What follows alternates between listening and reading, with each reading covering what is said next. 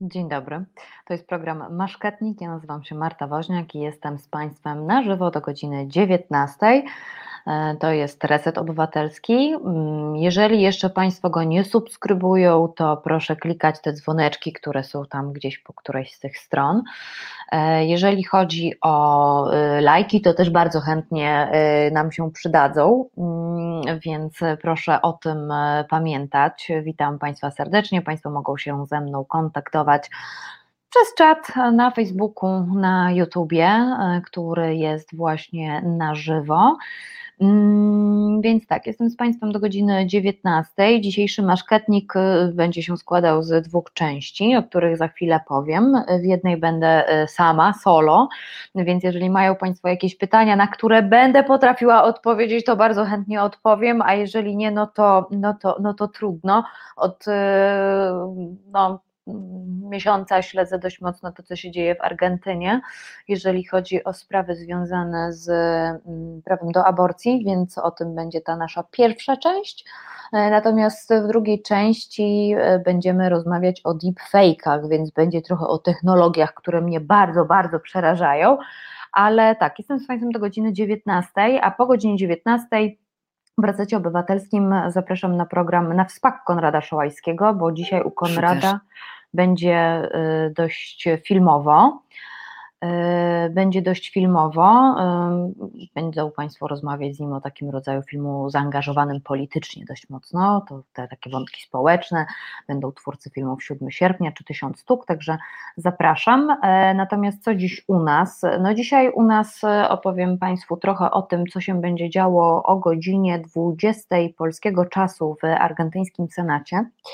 E, ale też popatrzymy sobie na wszystkie, e, o ile zdążymy, mam nadzieję, na protesty, które się przetoczyły przez 2020 rok, bo było ich dość sporo e, i właściwie naprawdę pod każdą szerokością geograficzną, no i większość, zdecydowana większość dotyczy praw człowieka. Natomiast po godzinie 18, tak jak mówiłam, łączymy się z, łączy się z nami Aleksandra Kopciuk z Fundacji Bezpieczna Cyberprzestrzeń i porozmawiamy sobie o deepfake'ach, co to jest właściwie, jak wygląda prawo w związku z wykorzystywaniem tej technologii i czy mamy się czego obawiać y, i czy będziemy zalewani w mediach społecznościowych właśnie takimi manipulacyjnymi filmami z, wiedzą Państwo, podmienione twarze przywódców, oni coś robią, coś mówią, a przyczynkiem do naszej e, rozmowy, a przyczynkiem do naszej rozmowy jest, e, są, e, jest królowa Elżbieta II, która to w życzeniach świątecznych na Channel 4 tańczyła i plotkowała o swojej rodzinie, a to się królowej Elżbiecie nie zdarza, więc o tym sobie opowiemy, ale dopiero po godzinie 18. No i tak, ten 2020 rok, wiadomo, jeszcze się nie skończył. To są komentarze po dzisiejszym trzęsieniu ziemi w Chorwacji. Trzęsienie ziemi o sile 6,3 w skali Richtera. Burmistrz miasta, w którym było epicentrum, e, Darinko Dumbowicz, e, burmistrz Petrinia, miasta w środkowej Chorwacji, no, prosi o pomoc, wzywa o pomoc, że mówiąc, że połowa miasta została zniszczona. No i w takim oświadczeniu wymitowanym przez chorwacką telewizję e, powiedział: Moje miasto zostało całkowicie zniszczone, mamy martwe dzieci, to jest jak Hiroshima, połowa miasta już nie istnieje.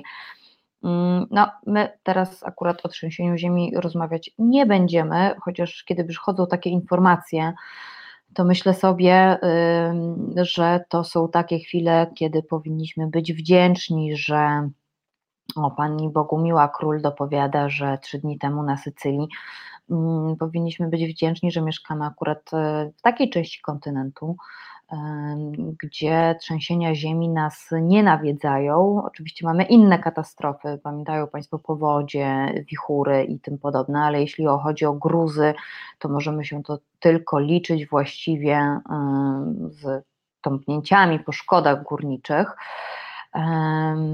Więc to, to tak. E, pan Piotr jeszcze dopowiada, znajomi tam mieszkają, ale u nich tylko kilka budynków uszkodzonych.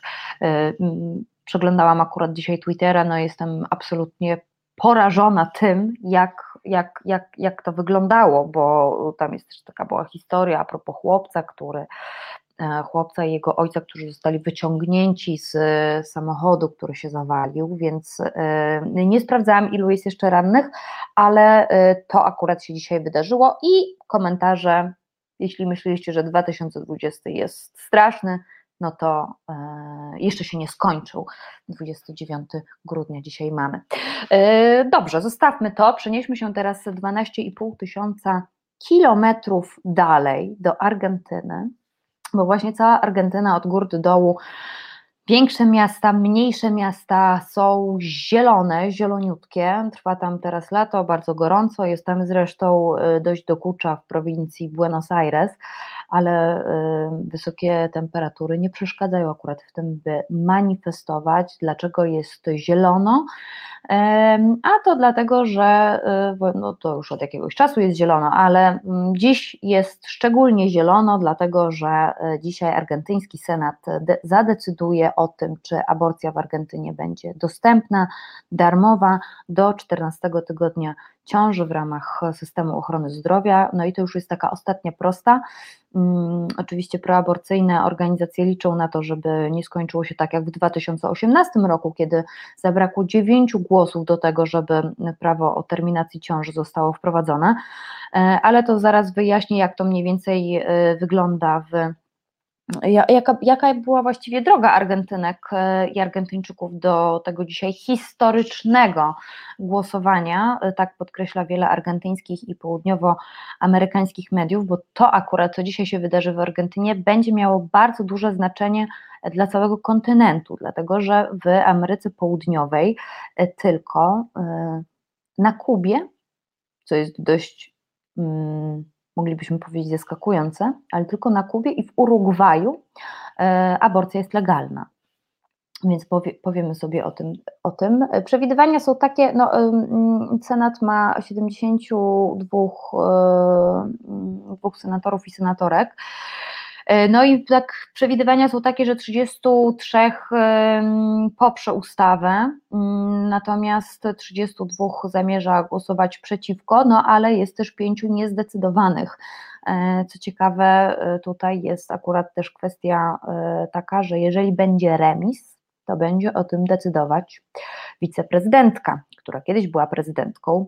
Chodzi tutaj o Christinę Kirchner, która E, no, prezydentką już nie jest, ma różnego rodzaju sprawy też, no ale sobie tam siedzi i rządzi, e, więc ona jest jakby przewodniczącą Senatu w Argentynie, także jeżeli będzie remis, ona będzie decydować, a wiemy, że Krystyna Kirchner jest akurat za ustawą legalizującą aborcję.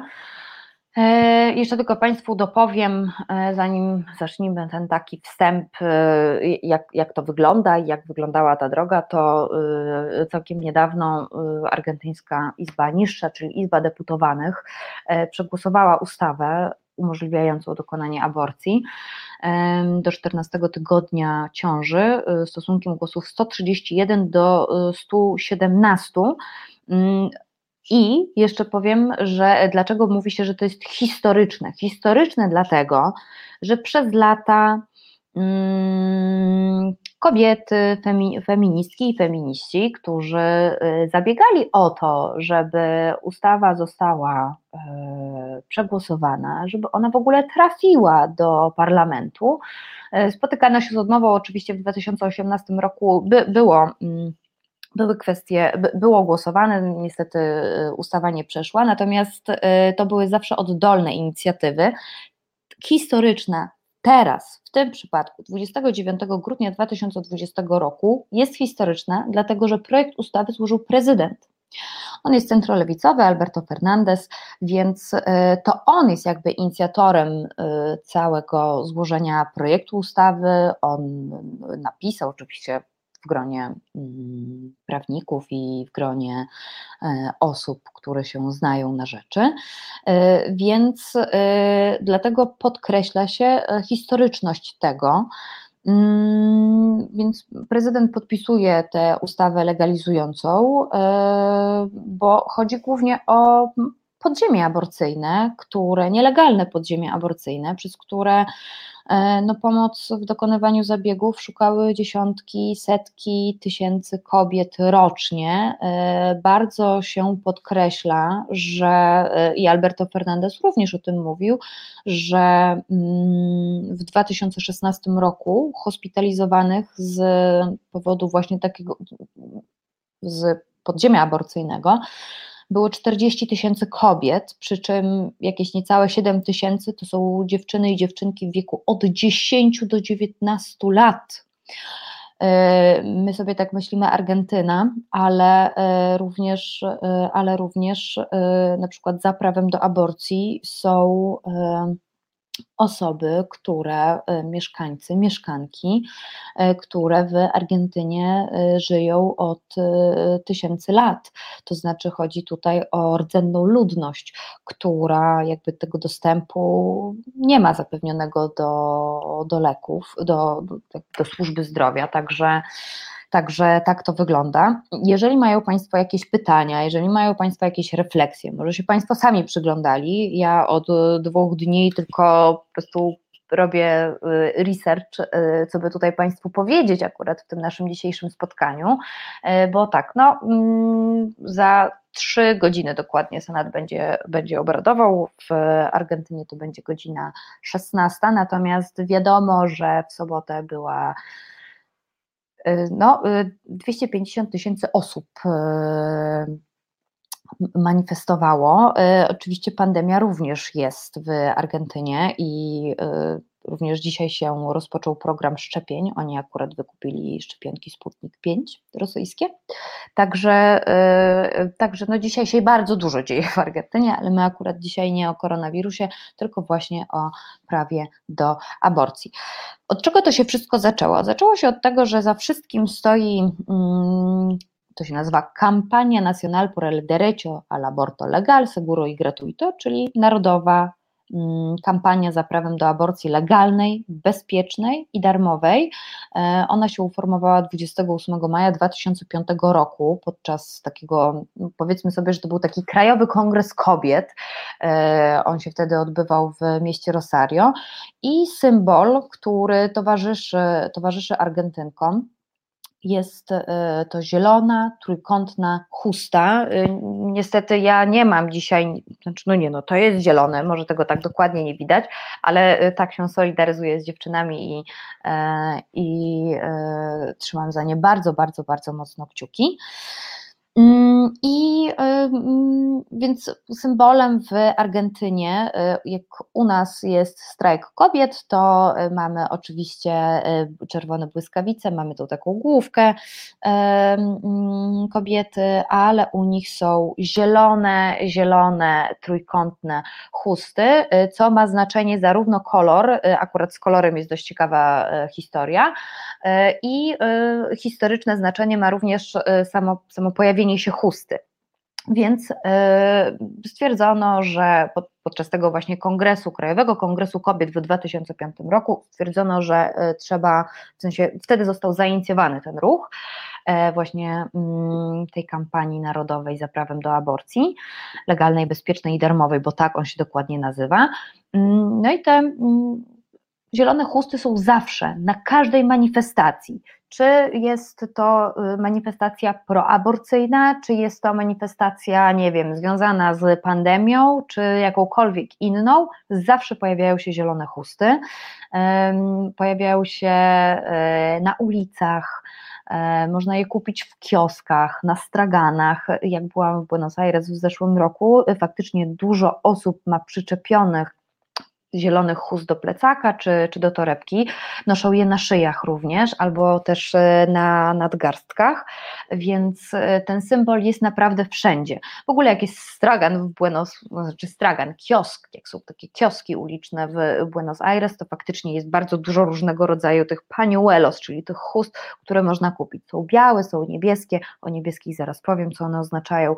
E, są zielone, są też czerwone, także jest ich bardzo sporo ale jakby główna jest właśnie jakby chodzi o tą, o, o tą. Więc mm, dobrze. E, więc początkowo, początkowo kampania na rzecz aborcji obejmowała łącznie 70 organizacji z całego kraju. Dzisiaj, po 17 latach, tych organizacji, które wspierają tą narodową kampanię na rzecz aborcji, E, na terytorium Argentyny, to jest ponad 500 organizacji w całej Argentynie, także dość sporo, od 70 do 500 organizacji. I mówię po 17 latach, no tak, przed chwilą powiedziałam 2005 rok, ale y, mówię po 17 latach, dlatego że sam pomysł powstał w 2003 roku. Mm, i y, podczas kongresu, który miał y, właśnie w 2003 roku miejsce, i tam padł pomysł, żeby stworzyć y, i walczyć o prawo do legalnej aborcji. To był jakby taki pierwszy impuls. E, e, impuls i dopiero to się udało zrealizować i uformować dwa lata później. E, no i skąd się wziął ten zielony? No więc uczestniczki tego kongresu w 2005 roku stwierdziły, że y, no, symbolem feminizmu jest równych praw i, i w ogóle takiej walki kobiet, to jest fiolet. No więc y, organizatorki i inicjatorki stwierdziły, że y, pójdą do sklepu, ale okazało się, że w sklepie z tkaninami nie ma w ogóle żadnego fioletowego sukna no to, no to co? No to był, było zielone sukno, no więc stwierdzono, że e, no nie w takim razie będzie to zieleń, e, a zieleń sama jest e, symbolem walki o prawa człowieka, dlatego też, mimo że nie jest to fiolet, feminizm argentyński również stwierdził, że bardzo fajnie, więc weźmy ten zielony. I też zieleń jest kolorem, który kojarzy się ze zdrowiem, i e, zieleń kojarzy się również z nadzieją, więc e, był to też niejako symbol buntu. Więc dlatego właśnie e, chociażby teraz pan Adrian Jasiński tutaj przekazuje zielone serduszka tak, faktycznie w e, mediach społecznościowych argentyńskich te zielone serduszka są dosłownie wszędzie, absolutnie. E, politycy czy polityczki, którzy są właśnie za tym prawem i trzymają kciuki za dzisiejsze głosowanie w Senacie, również mają do swoich imion i nazwisk doczepione to zielone serduszko jako ten symbol. My mamy błyskawice, oni mają zielone serduszka, więc, więc tak, więc mamy to, więc już wyjaśniłam dlaczego, dlaczego ta zieleń. No i też na tych chustach pojawiały się, e, pojawiała się oczywiście nazwa. E, białymi literami są namalowane takie, mm, kurczę, nie przygotowałam Państwu niestety, tak pomyślałam na 5 minut e, przed 17, że może to warto byłoby akurat powiedzieć, znaczy wziąć zdjęcia i Państwu popokazywać, ale mam nadzieję, że jednym uchem Państwo słuchają, a drugim mogą sobie Państwo na przykład poklikać i wpisać e, aborto legal e, i w Google grafice z pewnością Państwo znajdą, jak wyglądają te chusty e, i jak całe place w Argentynie, w argentyńskich miastach są po prostu zielo, zieloniutkie. Wygląda to no, niesamowicie. Mm, no więc wracając do tej chusty, to na tej chuście była, był taki napis edukacja, edukacja seksualna, żeby decydować, antykoncepcja, żeby uniknąć aborcji i legalna aborcja, by unikać śmierci. Więc takie, był, takie są trzy hasła, które, które uformowano w 2005 roku. E, w tej chwili na przykład na transparentach jest e, właśnie aborto legal, czyli legalna, legalna aborcja, ale też na przykład na transparentach jest que sea ley, niech stanie się prawo bardzo długo, no 17 lat to jest taka naprawdę dość mocna walka o to, żeby aborcja była legalna, bo y, powiem Państwu dlaczego. Za chwilę, bo musimy wrócić do 1921 roku. W każdym razie ten skrawek zielonego materiału wiesza się e, i tutaj przy szyi, i właśnie na nadgarstku, i przy torebkach, przy plecakach, przy rowerach, przy czymkolwiek. Zielony zwisa z balkonów, tak jak w naszym przypadku zwisają błyskawice czerwone z okien i też z ubrań, jak Państwo widzą, mogą zobaczyć na przykład na protestach. Więc zieleń jest dlatego właśnie, że symbolizuje zdrowie, nadzieję, no i właśnie dlatego, że nie było fioletowego sukna w sklepie, co jest akurat, wydaje mi się, całkiem niezłą ciekawostką. Natomiast dlaczego chusta? Chusta akurat ma i jest do tego trójkątna. To tutaj mamy takie nawiązanie i ukłon w stronę matek i babci z Placu Majowego. Chodzi o czasy dyktatury w Argentynie z lat 1976-1983, kiedy wojskowi porywali młodych ludzi, e, torturowali ich, e, ale też wiadomo, osoby te po prostu przepadały bez wieści, więc e, kilka kobiet, których dzieci zniknęły w niewyjaśnionych okolicznościach, postanowiły protestować i dowiedzieć się, gdzie są ich dzieci. Oczywiście zdecydowana większość z nich nigdy się tego nie dowiedziała. Mm, no i wtedy, żeby zaprotestować, stwierdziły, że będą chodzić po ulicach w białych chustach. Tak o. E, I to, to stąd jakby, to stąd wyszedł ten pomysł, więc jakkolwiek się w Argentynie nie protestuje, to zawsze jest to chusta trójkątna w różnych kolorach. E, w przypadku legalnej aborcji jest to zielona, w przypadku mm, no, takiego rozliczenia, takiego rozliczenia z tym e, reżimem argentyńskim Rafaela Videli w latach 76-83 jest ona akurat biała. E, no więc nakładały na głowę białe chusty, na, na nich imiona i nazwiska swoich dzieci, a także datę, kiedy, kiedy dziecko zniknęło. Mówiąc dzieci, mam na myśli osoby, które mają no tak 20-30 lat, e, ale to dalej są dzieci, dzieci tych matek. E, no i według szacunków Amnesty International i różnych innych organizacji mm, praw człowieka, no wojsko zgarnęło wtedy tak 30 tysięcy osób, po prostu je, ich porwano, e, wiadomo, torturowano, były loty śmierci e, i tak dalej, e, i tak dalej. Już kiedyś o tym rozmawialiśmy, także, e, także i co ciekawe, e, protesty e, matek z Placu Majowego, ale również babć, plecu majowego, to są dwie różne organizacje, one się akurat, e, one się akurat odbywają co czwartek pod, e, na takim głównym, centralnym placu Buenos Aires. E, I mm, przed Casa Rosada jest taki obelisk, i tam matki z Placu Majowego chodzą dookoła w tych swoich białych chustach, skandują imiona swoich dzieci. I proszę mi uwierzyć, to jest scena, bo widziałam, widziałam dwa razy, jak wygląda taki przemarsz właśnie matek, taki protest, skandowanie tych imion osób, które no, minęło z 40 lat i matki nie wiedzą, to są już staruszki seniorki, emerytki, które do tej pory nie wiedzą, co się stało z ich dziećmi.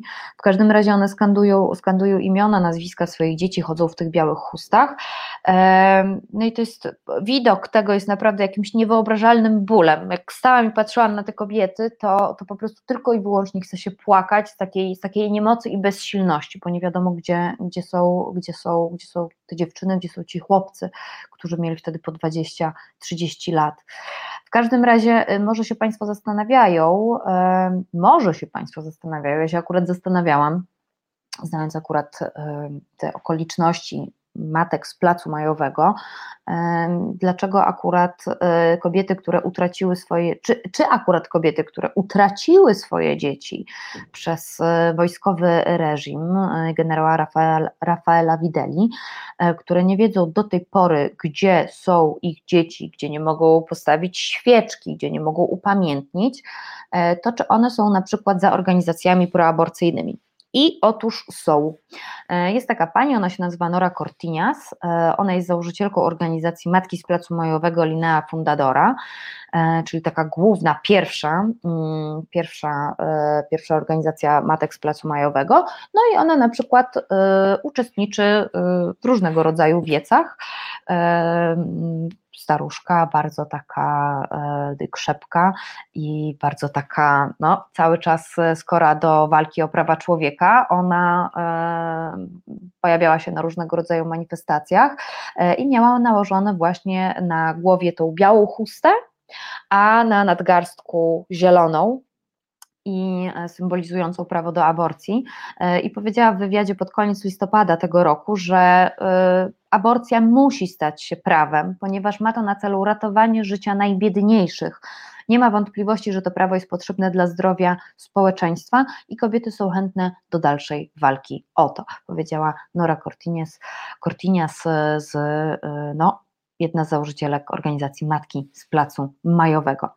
Więc zanim przejdziemy sobie do tego, jak Argentynki wywalczyły sobie dzisiaj i to, że dzisiaj 29 grudnia 2020 roku w Senacie za no, 2,5 godziny będą yy, senatorowie i senatorki, 72 senatorów i senatorek będą debatować, no nawet nie debatować, tylko będą głosować po prostu nad projektem ustawy prezydenta Alberto Fernandeza to y, jeszcze wspomnimy tutaj y, byłego prezydenta Mauricio Macri y, Argentyny, to jeszcze chciałam tylko zaznaczyć, że ten projekt ustawy nazywa się Interrupción Voluntaria del Embarazo, embarazo, czyli w takim wolnym tłumaczeniu to jest dobrowolne przerwanie ciąży. Tak się nazywa ten projekt ustawy.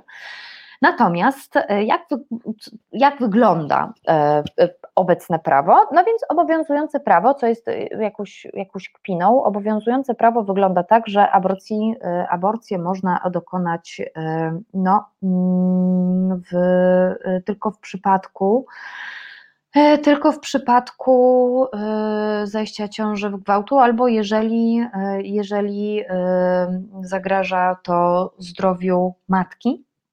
Natomiast e, Natomiast e, obowiązujące prawo jest z, uwaga, 1921 roku, czyli 100 lat utrzymuje się prawo w związku z no, terminacją, przerywaniem ciąży. Jak ono wygląda? No więc określa je kodeks karny, e, no i który przewiduje w punkcie 86, że no, przewiduje się karę do 4 lat więzienia dla osób, które przerywają ciążę, właśnie z wyjątkiem gwałtu albo zagrożenia życia matki. E, no i proszę Państwa, 100 lat, 100 lat temu kobiety nie mogły głosować, a co dopiero być posłankami albo senatorkami.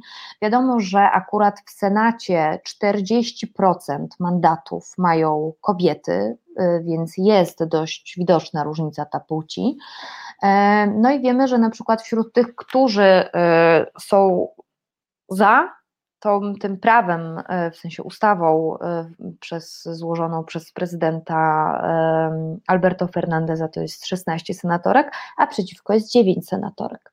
Także zobaczymy, jak to będzie wyglądało po godzinie 20, a pewnie po godzinie 21. E, więc o tym, że w 2003 roku właśnie pierwszy pomysł złożenia projektu, bo ja tutaj mam takie całe e, wypunktowane różne rzeczy, jak to wygląda. W każdym razie jesteśmy w tym punkcie, a nie w innym. E, I, i myślę, że muszę się chyba napić oczywiście wody, proszę Państwa, chociaż mam jeszcze trochę yerby argentyńskiej, także, także nie jest najgorzej. Zostawię Państwa na chwilę samych e, i do e, mojego tutaj mini wykładu a propos tego, jak wygląda jak walczyły Argentynki o prawo do aborcji. Oczywiście trzymamy za nie bardzo mocno kciuki, bo przypominam, aborcja jest prawem człowieka. Także e, wrócimy do naszej rozmowy już za chwilę. Słuchasz Resetu Obywatelskiego. Reset Obywatelski działa dzięki Twojemu wsparciu. Znajdź nas na zrzutka.pl. To było Zielono mi, Agnieszka Osiecka. Jeszcze nie widziałam tego serialu, ale muszę go zobaczyć, bo jestem wielką fanką Agnieszki Osieckiej i jestem ciekawa, jak to tak mocno mm, skondensowano. Podobno, podobno no, nie zbiera najlepszych recenzji, ale sama chciałabym ocenić. Dzienniki Osieckiej są niewiarygodną lekturą, również czasu, w którym e, były pisane, także dużo jest takich rzeczy. Niedawno mm, Józef Stalin obchodziłby urodziny i pamiętam, że w, w dzienniku chyba pierwszym Agnieszki Osieckiej ona tam formułuje taką e, wystawioną w Warszawie podobno tort dla Stalina i Agnieszka Osiecka wtedy młodziutka napisała no ile miała, naście lat, napisała, ach, jakby to było mieć taki tort jak ma Stalin, wielki jak opoda, tak to, tak to mniej więcej wyglądało, cytat oczywiście z pamięci, więc nie pamiętam jak to dokładnie szło, w każdym razie, no jeżeli Państwo, jeżeli państwo oglądali Osiecką, proszę dać znać, bo jestem ciekawa, co Państwo sobie o tym, o tym serialu myślą, e, ale dobra, wracamy, e, wracamy, o, Pan Marek tutaj, o, Tomasz Raczek nie poleca. Bardziej wrażliwym, Pan Marek pan Marek Jurkiewicz dopisuje, spróbowałem oglądać Osiecką na TVP1, ale nie dałem rady, to jakby dostać szarlotkę na zażeganym talerzu. Uuu, no to mocna, mocna recenzja, yy, niepochwalna zdecydowanie. E, ale e, mimo wszystko wolę, wolę sprawdzić, mimo wszystko wolę sprawdzić sama.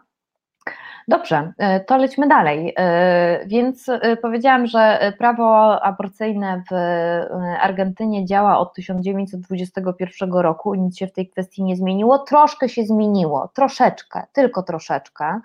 E, ale samo prawo nie. E, w 2003 roku, tak jak mówiłam, był Kongres Kobiet w Rosario, e, dwa lata później, w 2005 roku formułuje się właśnie ta narodowa kampania na rzecz aborcji legalnej, bezpiecznej i darmowej, no i równolegle z wielkim marszem z udziałem ludzi z całego kraju pod hasłem edukacja seksualna tak, antykoncepcja, e, że musi być edukacja seksualna, żeby decydować o sobie.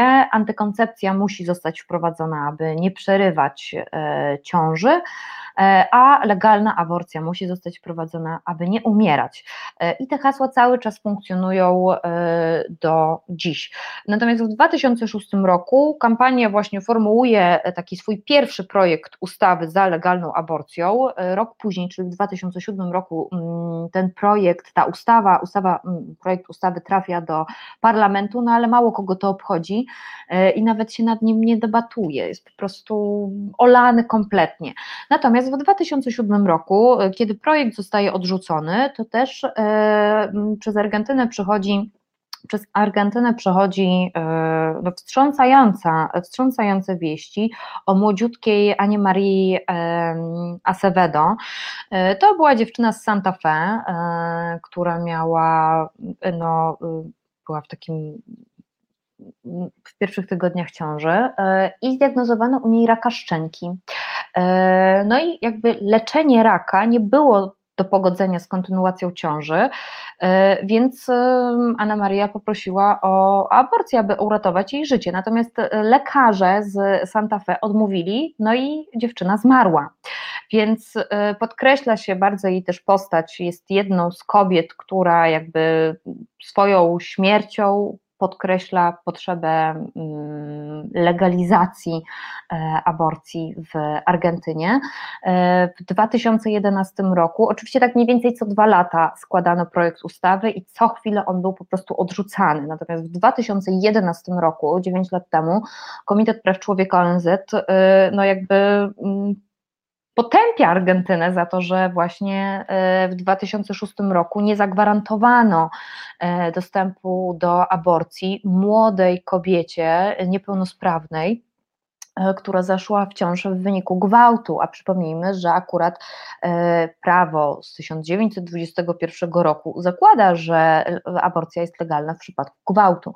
No niestety e, tutaj pomimo orzeczeń Sądu Najwyższego prowincji Buenos Aires nie przeprowadzono tego w szpitalu, aborcji nie przeprowadzono w szpitalu publicznym, tylko właśnie dzięki mobilizacjom organizacji kobiecych, feministycznych e, i e, aborcji dokonano właśnie z gwałtu, która powinno być jakby według prawa funkcjonującego od 1921 roku, e, powinna zostać przeprowadzona, przeprowadzono ją prywatnie. No i jakby tutaj ten Komitet Praw Człowieka ONZ stwierdził, że państwo utrudnia aborcji, na które zezwala kodeks karny, przypominam, 86 punkt punkt kodeksu karnego z 1921 roku, więc stwierdzono, że to jest naruszenie praw człowieka, młodej kobiety. No i Argentyna nie wiem teraz ile, ale musiała wypłacać rekompensatę właśnie, właśnie tej dziewczynie z niepełnosprawnością, która zaszła w ciążę w wyniku gwałtu. No i to tyle mogę tylko Państwu powiedzieć, że pamiętam, że w 2014 roku akurat wypłacono, wypłacono tej kobiecie pieniądze. E, no i cóż, no i e, później e, nie dzieje się nic. Cały czas co dwa lata mniej więcej ta kampania narodowa daje propozycję ustawy, ona jest odrzucana, znowu daje po dwóch latach, znowu, znowu i tak dalej, i tak dalej. I w 2018 roku, kiedy prezydentem jest Mauricio Macri, no to on jest taki bardziej, powiedzmy sobie, konserwatywny, jest bardziej na prawo, no i który jas, jakby jasno i otwarcie mówi, nie, żadnej legalnej aborcji nie będzie, e, ale znowu trafia ustawa do parlamentu, projekt ustawy trafia do e, parlamentu, no i coś się już trochę dzieje, bo Izba Niższa Parlamentu e, to zatwierdza jakby przyjęcie ustawy głosami 129 do 125 przeciw, jeden był tylko wstrzymany, ale tutaj akurat w Senacie już jest problem, bo Senat zadecydował tak, że jest 30 głosów przeciw, a 31 głosów e, za, a dwie osoby wstrzymały się e, od głosu, no i jedna była nieobecność, więc w tym przypadku Senat po prostu doprowadził do tego, że ta ustawa legalizująca aborcję została odrzucona. No i w 2019 roku jest bardzo dużo, no naprawdę Argentyna jest cała na zieloniutko, jeżeli o to chodzi. E, dodaje się taki mm, protokół, że osoby, które, taki protokół o, o kompleksowej opiece nad osobami z prawem do e, prawnego przerwania e, ciąży, to, to zyskuje jakby taki status prawny, więc coś tam się dzieje, ale i tak no, mm, nie do końca. No i wtem 17 listopada tego roku e, prezydent przesyła do parlamentu projekt ustawy o legalnym przerwaniu ciąży. E, oprócz tego jest jeszcze taka inicjatywa, oprócz jest jeszcze tego taka inicjatywa, e, że taki mm, prawo kompleksowej opieki zdrowotnej w ciąży i we wczesnym dzieciństwie.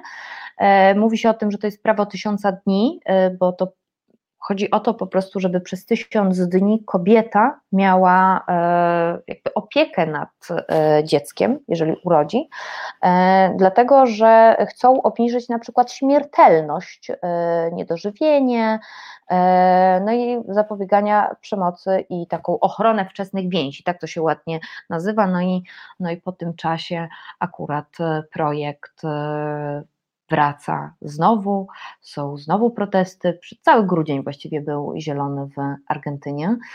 E, no i e, z liczb mogę Państwu jeszcze powiedzieć, że w sumie dziewięć razy przedstawiono, przedstawiano projekt ustawy w parlamencie argentyńskim. No i ten ostatni jest, y, jest y, historyczny, dlatego że został przedstawiony przez samego prezydenta Alberto Fernandeza, o czym już Państwu mówiłam bardzo, bardzo często teraz, podczas naszej tej mojej, mojego wykładu.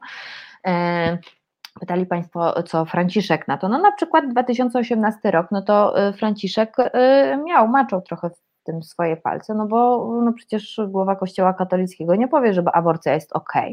Tutaj Kościół katolicki w ogóle nie myśli o czymś takim jak prawa człowieka, więc dziwnym nie jest, że e, papież Franciszek jest na przykład przeciwny aborcji, ale e, również przecież e, wspomina, że jakby rodziny muszą mieć no, odpowiedni dostęp.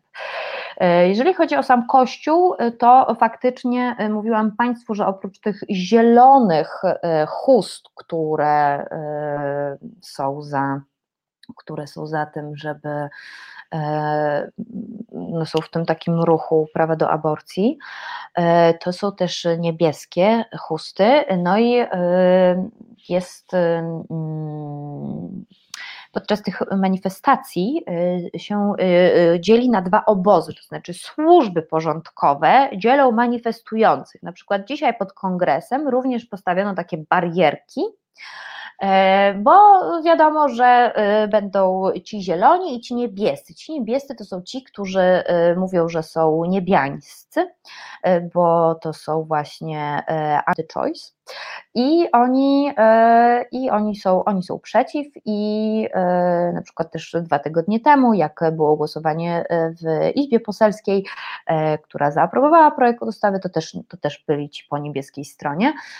No i oni uważają, że Argentyna już głosowała, Argentyna jest niebiańska. Stąd też te niebieskie są jako, jako, przeciw, jako przeciw prawu. No i y, druga strona placu odpowiada, że y, to będzie prawo i my tworzymy historię, tak odpowiadają ci zieloni, także Argentyna w tej chwili jest y, podzielona na dwa kolory, niebieski i zielony i też przed kongresem ustawiano dzisiaj właśnie barierki, że po jednej stronie będą jedni, a po drugiej drudzy, żeby nie dochodziło do żadnych burt ani innych tego typu incydentów. Natomiast jeszcze Państwu powiem, że wczoraj wieczorem w Argentynie było też, był taki też no, niebieski marsz był, e, przetoczył się przez centrum Buenos Aires e, przeciwko projektowi ustawy, no i żeby może jakoś wpłynąć na Senat. E, no i machano, machano figurkami Matki Boskiej i takimi laleczkami zakrwawionymi, no i tutaj akurat nie tylko Kościół katolicki jest, nie tylko są głośne, głośne jakby, mm, głośny sprzeciw Kościoła katolickiego w Argentynie, ale również no, Kościoła ewangelickiego e, gdzie no i przywódcy religijni mówią w Argentynie zapraszamy Was do zjednoczenia się, aby błagać o szacunek i troskę o narodziny życia. Bóg jest tym, który określa czas narodzin i czas śmierci i zabrania ludzkości wstępu na to terytorium. Tak się mówi akurat w, e, w Argentynie, machając tymi figurkami Matki Boskiej i laleczkami zakrwawionymi. No i y, jak będzie wyglądało głosowanie już y, o godzinie 20 czasu polskiego, bo w Argentynie to będzie, to będzie godzina 16, y, zobaczymy. Wiadomo, że nie jest to takie do końca jasne. Co prawda, prezydent Fernandez cały czas powoływał się na różnego rodzaju badania podkreślał, że każdego roku około 38 tysięcy kobiet jest hospitalizowanych w celu przeprowadzenia aborcji, a od e, Natomiast szacuje się też, rząd szacował też, że rocznie Argentyna ma 45 milionów mieszkańców, że rocznie w Argentynie dochodzi do nielegalnych aborcji właśnie od 370 tysięcy do 520 tysięcy. E, my, jak rozmawiamy o aborcji w Polsce, to na przykład mówimy, że aborcja była, jest i będzie. Jeżeli nie w Polsce, no to niestety trzeba pojechać na przykład do Czech, do Danii czy do jakiego innegokolwiek kraju europejskiego. Natomiast e, Argentynki e, albo robią to nielegalnie właśnie w kraju, albo wyjeżdżają do Urugwaju, gdzie prawo jest akurat no, obowiązujące takie, że tam aborcja jest legalna.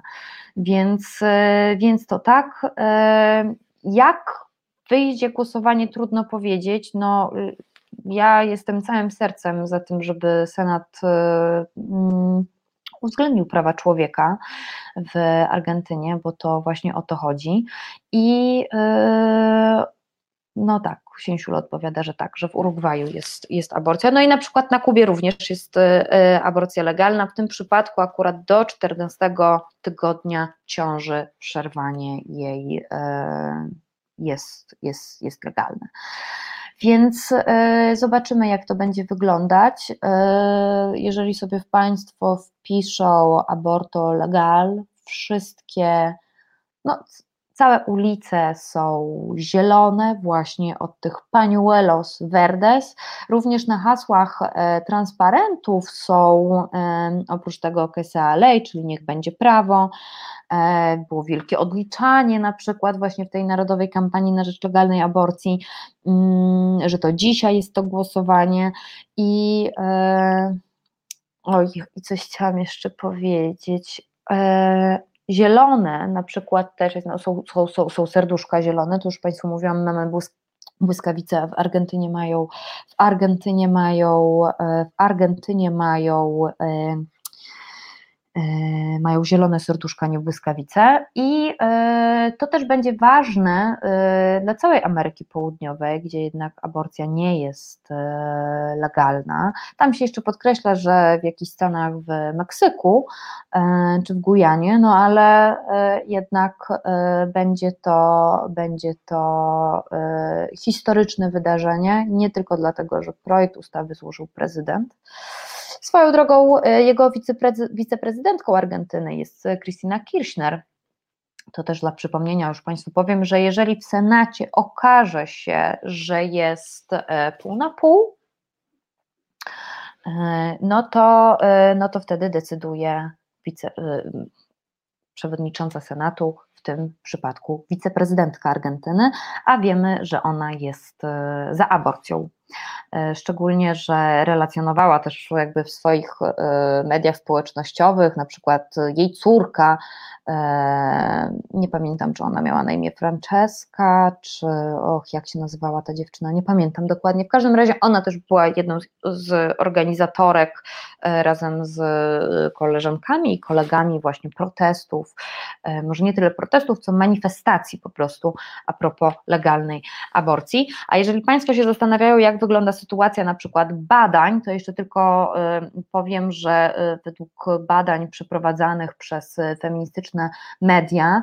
e, to 7 e, na 10 mężczyzn i 8 na 10 kobiet w Argentynie w wieku od 15 do 25 roku życia zgadza się z, prak z praktyką przerywania niechcianej ciąży. E, natomiast mamy jeszcze takie badania przeprowadzone, muszę tutaj troszeczkę, troszeczkę wyżej sobie w swoim pliku szalonym przejść. Są natomiast też takie badania, E, przeprowadzone przez, e, to się nazywa drugie ogólnoargentyńskie badanie przekonań i postaw religijnych Argentyny, Koniseta to się nazywa. No i tutaj na przykład e, pytano osoby wierzące, jak one się do tego mm, prawa do aborcji ustosunkowują. No i wygląda to tak, że ponad 80% osób uważających się za katolików zgadza się z przerywaniem ciąży w pewnych okolicznościach. Akurat nie były podane, jakie to miałyby być okoliczności. E, natomiast y, jakieś to, to, to jest 57,7% respondentów, natomiast 22,3% w jakichkolwiek jakby 20, 22% e, katolików argentyńskich, którzy się za takich uważają, uważają, że aborcja powinna być legalna i koniec. No i na przykład w e, badaniu Coniseta, e, czyli tej przekonań, postaw religijnych Argentyny, podkreśla się, że perspektywa instytucji religijnych wyrażana w debatach i krążąca w mediach nie zawsze pokrywa się z opinią mieszkańców Argentyny. Jestem ciekawa, jak, e, czy zwycięstwo będzie odbębniało na przykład e, Amnesty International sekcji argentyńskiej, bo akurat w tym przypadku e, ciekawe jest to, że oni na przykład też mają, zmienili swój znaczek na zielony i cały czas podkreślają właśnie o tych prawach i też bardzo mocno dziękują za jakiekolwiek takie głosy z innych stron, więc zobaczymy dzisiaj. Wiem, że będzie wiesz, też wielka feta w Buenos Aires w związku z tym, aha, a jeżeli chodzi o pandemię, no to jakby tutaj Argentyna jest jednym z krajów, które są dość mocno, są dość mocno dotknięte koronawirusem. No i czy wolno, i czy wolno protestować, no, czy tam manifestować? No generalnie to nie bardzo, ale i tak się nikt tym jakoś szczególnie, szczególnie nie, nie przejmuje. I pomimo pandemii tysiące ludzi jednak spędza ten czas na ulicach i mimo wszystko są, manifestują to, żeby, żeby była właśnie wolność wyboru. No i co? No i, no i zobaczymy. Zobaczymy, czy Argentynki i Argentyńczycy i Senat utworzą historię i po 17 latach batalii zniknie prawo z 1921 roku. To by było, no i zaschło w gardle, proszę bardzo. Więc tak wygląda sytuacja, jeżeli chodzi o to, o Argentynę. Oczywiście są i przeciwnicy, e, ale ja myślę, że zielone chustki, które zalały, które zalały e, Argentynę, i tą część świata. Mm, będą, a było jeszcze takie hasło właśnie miałam powiedzieć a propos tego, że no, jesteśmy taką zieloną falą, która stworzy zielone tsunami i liczę na to, że właśnie dzisiaj się dzieje to tsunami czasu polskiego, no za dwie godziny będzie głosowanie w Senacie. Zobaczymy. A, jeszcze jedna ważna rzecz jest taka, że y, z Senatem mm, jedyne co może popsuć to na przykład wstrzymywanie się od głosu, co trochę będzie nie w smak, natomiast, y, natomiast wiem, że y, będą dwie osoby, które na pewno nie będą brały udziału w głosowaniu. Y, to, to będzie. No i no właśnie, no i miałam sobie tutaj, o tak, będzie dwóch jakby nieobecnych senatorów. Jednym z nich jest e, przebywający e, na urlopie po tym, jak został oskarżony o molestowanie seksualne, proszę Państwa, były prezydent Carlos Menem. E, no, jest. Mm, to nie, to, to, to nie on, ale jeden z senatorów jest oskarżony akurat o, o, o właśnie o molestowanie seksualne, natomiast były prezydent Carlos Menem, który ma lat 90, to on ma poważne problemy ze zdrowiem, z, e, z nerkami i z sercem, więc on również nie będzie brał udziału w głosowaniu, więc na pewno wiemy, że będą takie dwa głosy, znaczy dwa głosy, no, dwa puste głosy. E, jak będzie dalej, to zobaczymy. Więc, e, aha, no i jeszcze wraz z tym projektem e, dobrowolnego przerywania ciąży Senat ma ocenić również e, podczas tej sesji, podczas tego głosowania taką uzupełniającą pro, propozycję rządu, czyli ten plan tysiąca dni, który ma właśnie takie zapewnić, rząd ma zapewnić takie materialne, sanitarne wsparcie kobietom ubogim, które chcą być matkami, ale e, właśnie decydują się na aborcję z przyczyn ekonomicznych. Więc e, no to, no to tyle mojej ględźby na dzisiaj, jeżeli chodzi o to. Mam nadzieję, że trochę jest dla nas jaśniejsza sytuacja, jeżeli jak to wyglądało z aborcją e, wśród Argentynek.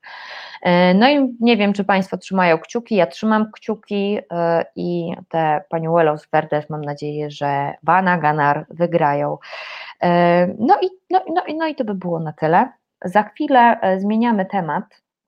Za chwilę zmieniamy temat e, i temat e, przechodzi teraz na straszne, przerażające rzeczy, proszę Państwa. Na deepfake'i to jest, to jest przerażające. Nie wiem, czy Państwo oglądali jakiekolwiek deepfake'i, na przykład, nie wiem, z Barackiem Obamą, albo z Kim Jong-unem, albo z Władimirem Putinem ale to jest naprawdę, naprawdę przerażające. I o deepfake'ach sobie za chwilę porozmawiamy z Aleksandrą Kopciuch z Fundacji Bezpieczna Cyber, Cyberprzestrzeń, e, a przyczynkiem do naszej rozmowy są życzenia świąteczne królowej Elżbiety II, które okazały się fałszywe i nieprawdziwe.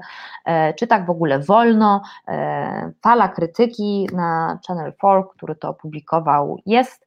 No i, no i słyszymy się i widzimy się za moment. No i jeżeli chcieliby Państwo na przykład wesprzeć Argentynki, pokazać nie wiem, w social mediach, że są Państwo z nimi, to hashtag aborto legal, tak jak Państwo słyszycie, aborto legal albo aborto legal 2020 i miejmy naprawdę nadzieję, że się uda przegłosować w Senacie ustawę prezydenta Alberta Fernandeza, który na przykład kupił Sputnik 5, ale e, to akurat e, jest inną sprawą, e, o której może sobie powiemy, jak kiedyś, jak e, można się przyjrzeć temu, jak wyglądają zakupy szczepionek różnych krajów, a powiem, że Argentyna jest jedynym krajem poza Europą, bo jeszcze Białoruś kupiła, i kupiła, kupiły też Węgry, z tego co się orientuję, właśnie Sputnik 5 od, e, od Rosji. E, no to, no dobra, już, już zróbmy sobie chwilę przerwy e, i zaraz jesteśmy z, a bo Państwo tutaj jeszcze o tych fake newsach. A tak, wczoraj redaktor Piątek mówił o fake newsach, tak, ale to związanych akurat ze strajkiem kobiet, faktycznie, faktycznie.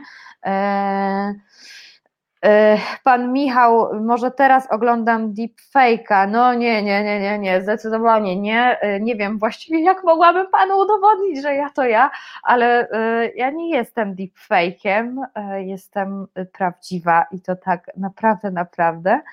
Mm, a poza tym, kto by chciał robić mojego deepfake'a teraz? bez przesady, bez przesady, chyba że mój deepfake mówiłby, że język śląski to gwara, to byłoby okropne, podłe i wstrętne, e, ale e, a propos tego języka śląskiego, to mówię dlatego, że w zeszłym tygodniu w Maszketniku rozmawialiśmy sobie akurat o, o języku śląskim e, i wiem, że Państwu, mm, no bardzo się cieszę akurat z tych, z tych rozmów, bo y, mam takie poczucie, że może coś się tak troszeczkę rusza właśnie dzięki takim rozmowom. No dobra, no dobra.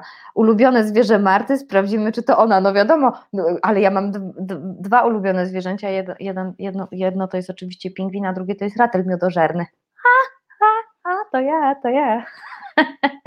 Ale przecież Deepfake by powiedział, że e, pingwin i ratel miodożerny, więc trzeba by było coś innego wymyślić. Dobrze. Dosyć tego gadania, bo już mam takie wrażenie, że tak gadam straszne głupoty, a jesteśmy naprawdę przed bardzo przerażającą rozmową i ja muszę odetchnąć i Państwo też muszą odetchnąć, więc słyszymy się za moment w Maszketniku na kanale Resetu Obywatelskiego. Pyk. Reset Obywatelski. Medium, które wsłuchuje się w głos swoich odbiorców – to wracamy, to jest e, Maszketnik, ja nazywam się Marta Woźniak. E, witam tych, którzy na przykład teraz dopiero dołączyli, a jeżeli ktoś chce wiedzieć, jak wygląda sytuacja, jak walczyły Argentynki o to, żeby dzisiaj, 29 grudnia 2020 roku, Senat decydował o legalnym prawie do aborcji do 14 tygodnia życia, to e, zapraszam do tej wcześniejszej części mojego monologu właściwie, który był dość dla mnie trudny, bo jednak tłumaczenia niektórych instytucji są dość problematyczne, bo no, o tym się nie pisze w Polsce jakoś szczególnie, e, więc jeżeli e, myślę, że jesteśmy trochę bardziej doinformowani, jak to, jak to wygląda i jaka była droga Argentynek. Może kiedyś również będziemy mieli takiego prezydenta, który sam złoży ustawę i która będzie przechodzić. Zobaczymy. Zobaczymy, miejmy nadzieję, że tak. Ja natomiast Państwu już zapowiadam, że y, sylwestrujemy razem, bo w czwartek między godziną, między godziną 19 a 21, czyli 31 grudnia, y, to jest wojna, jest na żywo tym razem. Y, a jeżeli chcą Państwo zobaczyć, jak wyglądał wigilijny program, to wtedy tam trochę rozmawialiśmy, właściwie cały program, większość programu była poświęcona właśnie Kościołowi, traktowaniu kobiet. To moją rozmowę z profesor Magdaleną Środą i profesorem Stanisławem Obirkiem serdecznie Państwu polecam. Mogą ją Państwo znaleźć właśnie na kanale Resetu Obywatelskiego.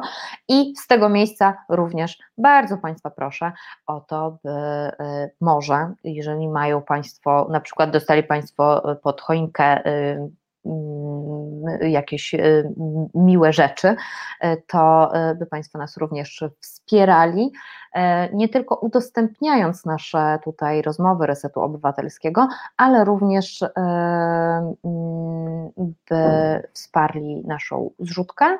E, mogą ją Państwo znaleźć pod adresem zrzutka.pl ukośnik z ukośnik Reset Obywatelski albo mogą Państwo również nas wesprzeć wpłacając datek na Fundację Arbitror, koniecznie z dopiskiem, by y, tam się znalazło na cele statutowe Resetu Obywatelskiego. Informujemy Państwa również o tym, y, jak wyglądają, jak, jak wyglądają te zrzutki i ile, jak Państwo nas wspierają i za każdą złotówkę bardzo, bardzo, bardzo dziękujemy.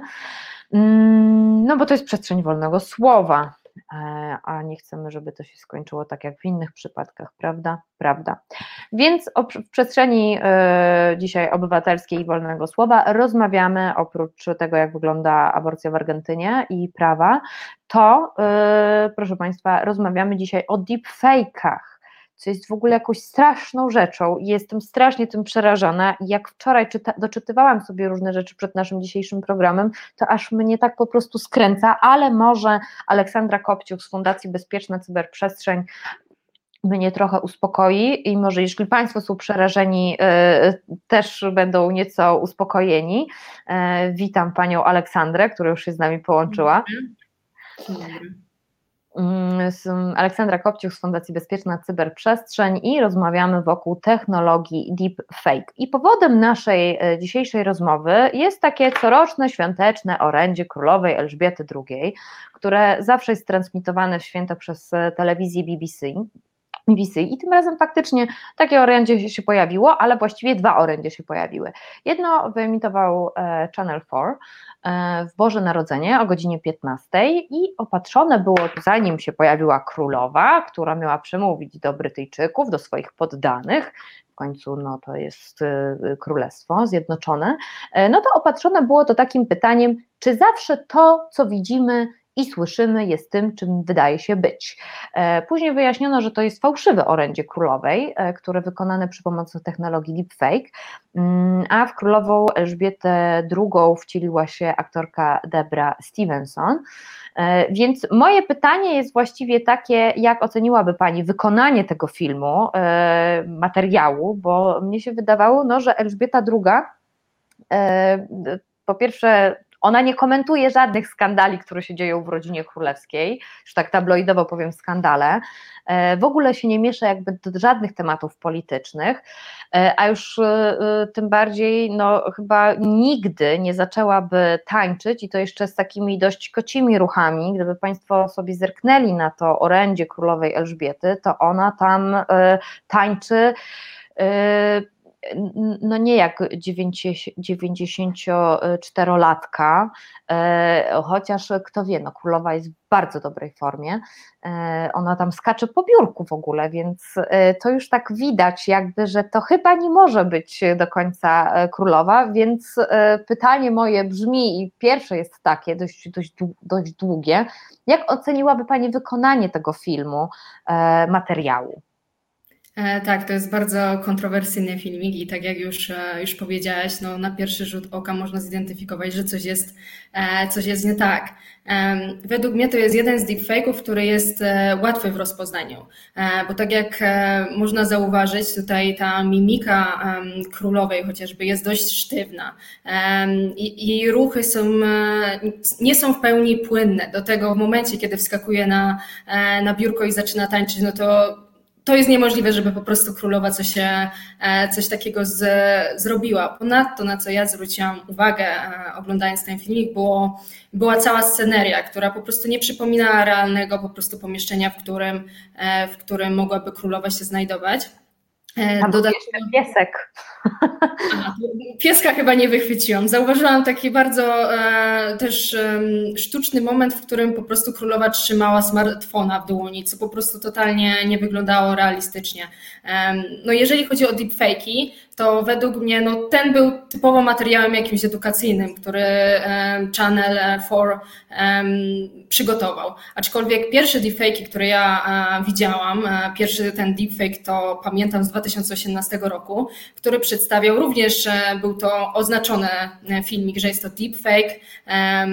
Występował tam też aktor, przedstawiał Baracka Obamę. I, I według mnie, gdyby nie to, że w pewnym momencie z twarzy aktora zniknęła e, po prostu maska Baracka Obamy, to po prostu byłoby bardzo ciężko zidentyfikować, że, e, że ten filmik został zmanipulowany.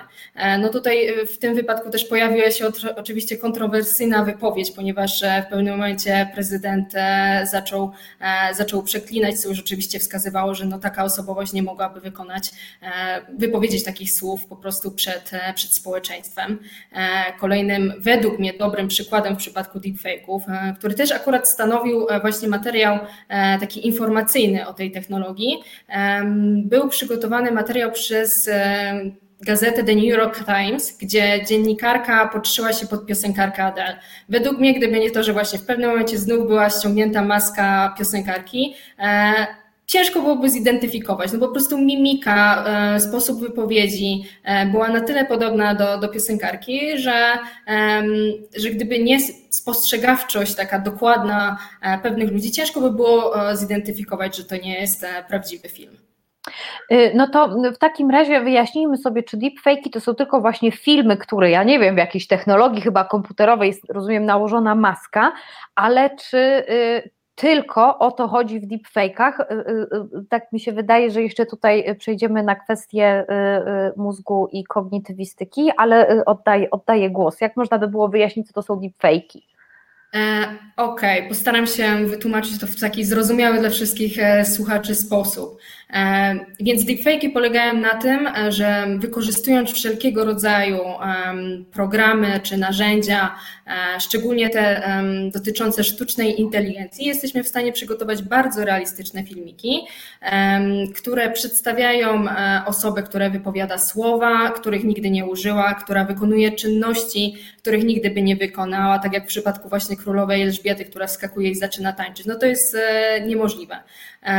W tej technologii deepfake'ów możemy zmodyfikować tak wideo, e, że będziemy w stanie zmienić na przykład porę roku czyli możemy z zimę zamienić w lato. Możemy też zmienić czas, możemy zmienić dzień w noc. To też również jest e, bardzo dobry case w przypadku na przykład fałszowania różnego rodzaju dowodów. No bo jeżeli zmienimy na przykład czas czy porę roku, no to to może być, e, być kluczowe w przypadku pewnych, e, pewnych na przykład spraw sądowych. To, co jest ważne w przypadku deepfake'ów, to jest przede wszystkim właśnie sztuczna inteligencja i techniki e, sztucznej inteligencji, takie jak sieci neuronowe, uczenie maszynowe, czy też głębokie uczenie e, maszynowe, od którego właśnie wywodzi się deepfake. Bo po angielsku głębokie uczenie maszynowe to jest e, deep learning. Dlatego mamy to połączenie słowa fake jako nieprawdziwe z, z deep jako głębokie od głębokiego uczenia maszynowego. Tutaj oczywiście też bardzo ważne jest to, że te maszyny sztucznej inteligencji e, poprzez załadowanie zestawu danych, czyli e, filmików, e, zapisów dźwiękowych, maszyna sama uczy się mimiki, sposobu wypowiadania słów, dzięki czemu umożliwia to wygenerowanie takiego nieprawdziwego filmiku. Matko święta. E, tutaj pan Mateusz e, pisze, że e, jakby deepfake, cyfrowe przetwarzanie obrazów, miałem to na studiach, ale na przykład wskazuje na rzecz, o której ja nie pomyślałam, nakładanie tak zwanych masek jak filtry w Snapchacie, w Snapchacie czy tam na Instagramie, czy, czy gdziekolwiek, to też są na przykład deepfake'i? Znaczy, ciężko to określić deepfake'iem, bo tutaj ja bym też się skupiła na tym, e, co jest celem tworzenia takich materiałów. Tak, ale akurat Instagram i social media jest bardzo dobrym przykładem. Korzystamy wszelkiego e, rodzaju filtrów, które załamują rzeczywistość, zmieniają na przykład e, rysy naszej twarzy, tworząc nieprawdziwy, nieprawdziwy obraz. Więc w jakiś sposób jest, może to stanowić element oderwania od rzeczywistości, bym powiedziała. Natomiast w przypadku deepfake'ów już to bardziej są może celowe działania, celowa zmiana, zmiana obrazu i, i wypowiedzi, która jest szczególnie ukierunkowana na osoby publiczne, bo na osoby publiczne właśnie ze względu na to, że mamy dostępną bardzo dużą ilość e, nagrań takich osób, politycy, bardzo e, dużo materiałów e, dźwiękowych i filmowych możemy znaleźć w internecie, a tylko, a tylko z dużą ilością tych danych jesteśmy w stanie wygenerować taki film, który będzie wyglądał realistycznie oczywiście.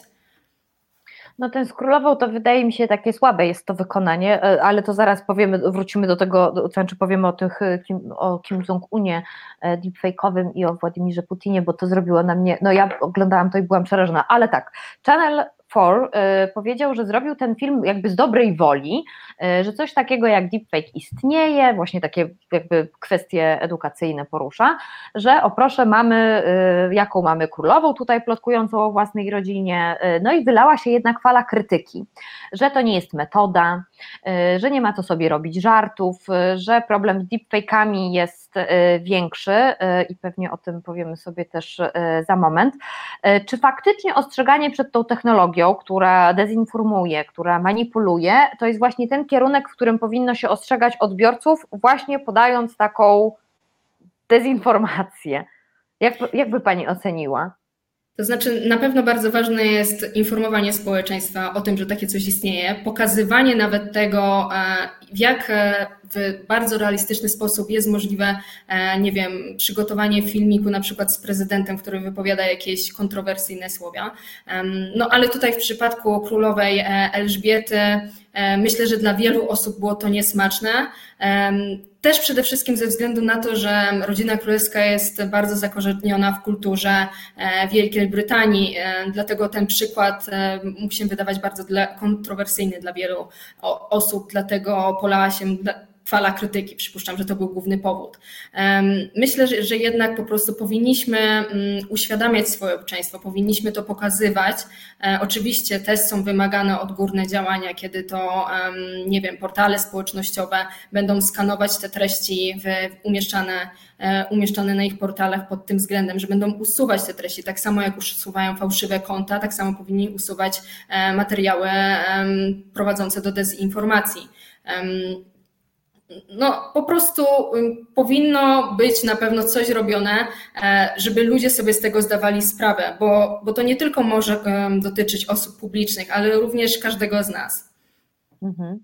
E, a czy zdarzyło się, że, no bo klip z, z królową został opatrzony właśnie tym, że to jest deepfake, że to jest nieprawda, e, ale czy na przykład zdarzyło się, że pokazano w telewizji e, deepfake'a bez ostrzeżenia, że to jest deepfake, że to jest zmanipulowane, bo jedyne co przychodzi mi do głowy, to coś takiego mogłoby się dziać w na przykład telewizjach, no albo no nie wiem, no w mediach społecznościowych, e, no krajów jakby, no nie wiem, systemami niedemokratycznymi, e, gdzie jednak w mediach hula propaganda. Czy odnotowywano już takie przypadki?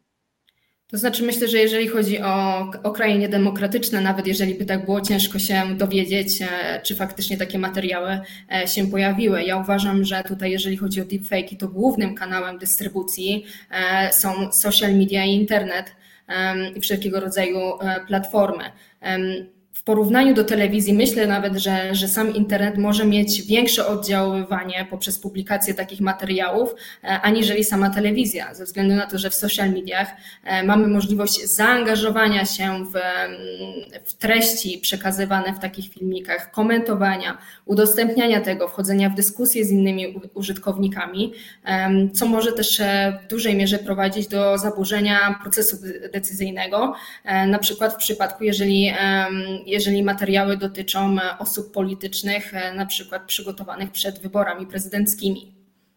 Tak, y, w Stanach Zjednoczonych przygotowano e, właśnie takiego, no dwa deepfake'i, no, gdzie Władimir Putin rozmawia sobie i dyskutuje z Kim Jong-unem. Przepraszam za ten kolokwializm, ale to ryje banie.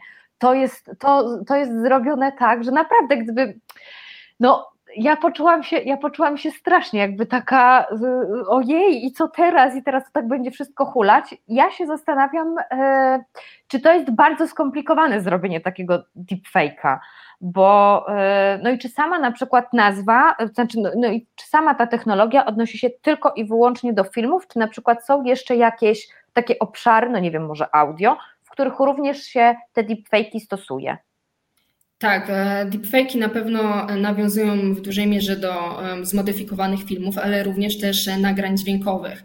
Czyli tutaj deepfake'i były też z tego, co, co, co się dowiedziałam również, wykorzystywane na przykład do, do szantażu, czyli podszywania się na przykład pod prezesa jakiejś firmy, który dzwoni, który dzwoni do swojej księgowej i prosi o, o wykonanie przelewu.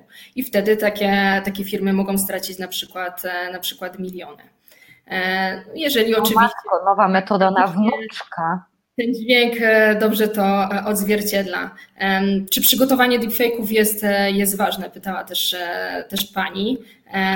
No tutaj mo możliwości jest wiele. Ja sama sobie takiego deepfake'a ze sobą e, wykonałam, ponieważ mamy e, możliwość pobrania wszelkiego rodzaju mm, aplikacji e, ze sklepu Play czy też czy też App Store'u. Są to aplikacje, dzięki, których, dzięki którym możemy wgrać swoje zdjęcie i wtedy wcielić się w bohatera E, na przykład ulubionego filmu. I ja właśnie e, wykonałam sobie, pobierając taką aplikację, wykonałam sobie takiego, taki krótki filmik, on jest bardziej w postaci GIFa, kiedy to wcieliłam się w postać Rachel z Friendsów, no i, i mogłam sobie pobrać tego GIFa i przesłać do znajomych i, i mieć z tego jakiś tam, e, jakiś tam fan. W przypadku takich bardziej zaawansowanych deepfake'ów, których naprawdę na celu, celem jest manipulacja, no to tutaj już trzeba mm, włożyć więcej wysiłku. Bo żeby to wyglądało realistycznie, to musimy mieć bardzo dużo nagrań osoby, pod którą chcemy się podszyć, e, zarówno tych nagrań wideo, jak i, e, jak i dźwiękowych. Dodatkowo niezbędne są też te techniczne umiejętności, w których to skorzystamy z tego mm, wszelkiego rodzaju oprogramowanie, które nam umożliwi wygenerowanie deepfake'a. Myślę, że z czasem będzie to na pewno coraz, coraz łatwiejsze. Będziemy mogli na pewno pobrać jakieś oprogramowanie, które w kilka minut wygeneruje nam fajnego deepfake'a, który będzie prawie niemożliwy do zidentyfikowania. Skoro już mamy aplikacje, no to te aplikacje też na pewno będą się rozwijać i będą w stanie nam dostarczyć coraz bardziej dopracowane filmy. Fajny deepfake nie brzmi mi wcale dobrze. E, a więc chciałabym się w takim wypadku zapytać, czy możemy jakoś rozpoznać deepfake'a? Czy są jakieś błędy, które można uchwycić? I również tutaj jeden z naszych widzów, e, Robsonak, zapytuje, czy jest jakiś program, metoda przeanalizowania filmu pod kątem, czy może to być deepfake? E, to znaczy tak, jeżeli chodzi o, o, każdego z nas, no to tutaj przede wszystkim obecnie liczy się nasza spostrzegawczość, że no, jeżeli coś jest kontrowersyjne i wzbudza w nas jakieś takie emocje, że to może być nie, nieprawdziwe, e, bądź też zauważymy, tak jak w przypadku deepfake'a z królową Elżbietą, że no tutaj e, się, nie wiem, dziwnie ręka rusza, tutaj dziwna, dziwna jest ta mimika, no to musimy sprawdzić to w, w innych źródłach. E, jeżeli chodzi o programowanie, to oczywiście przez firmy z branży cyberbezpieczeństwa e, takie narzędzia są wykorzystywane, bo tak samo jak sztuczna inteligencja pomaga nam w tworzeniu tych deepfake'ów, to staje się ona też częścią rozwiązania. Czyli wykorzystując sztuczną inteligencję, możliwe będzie przeskanowanie takich, takich filmów, które będą w stanie wychwycić, że przedstawia on coś nierealnego. I takie narzędzia oczywiście, oczywiście są tworzone przez e, i dostępne przez w, w firmach związanych z cyberbezpieczeństwem. E, również Facebook zadeklarował się, że on stworzy, stworzy program czy, czy narzędzie, które będzie w stanie zidentyfikować deepfake'i, co umożliwi usuwanie tych fałszywych materiałów e, z ich platform.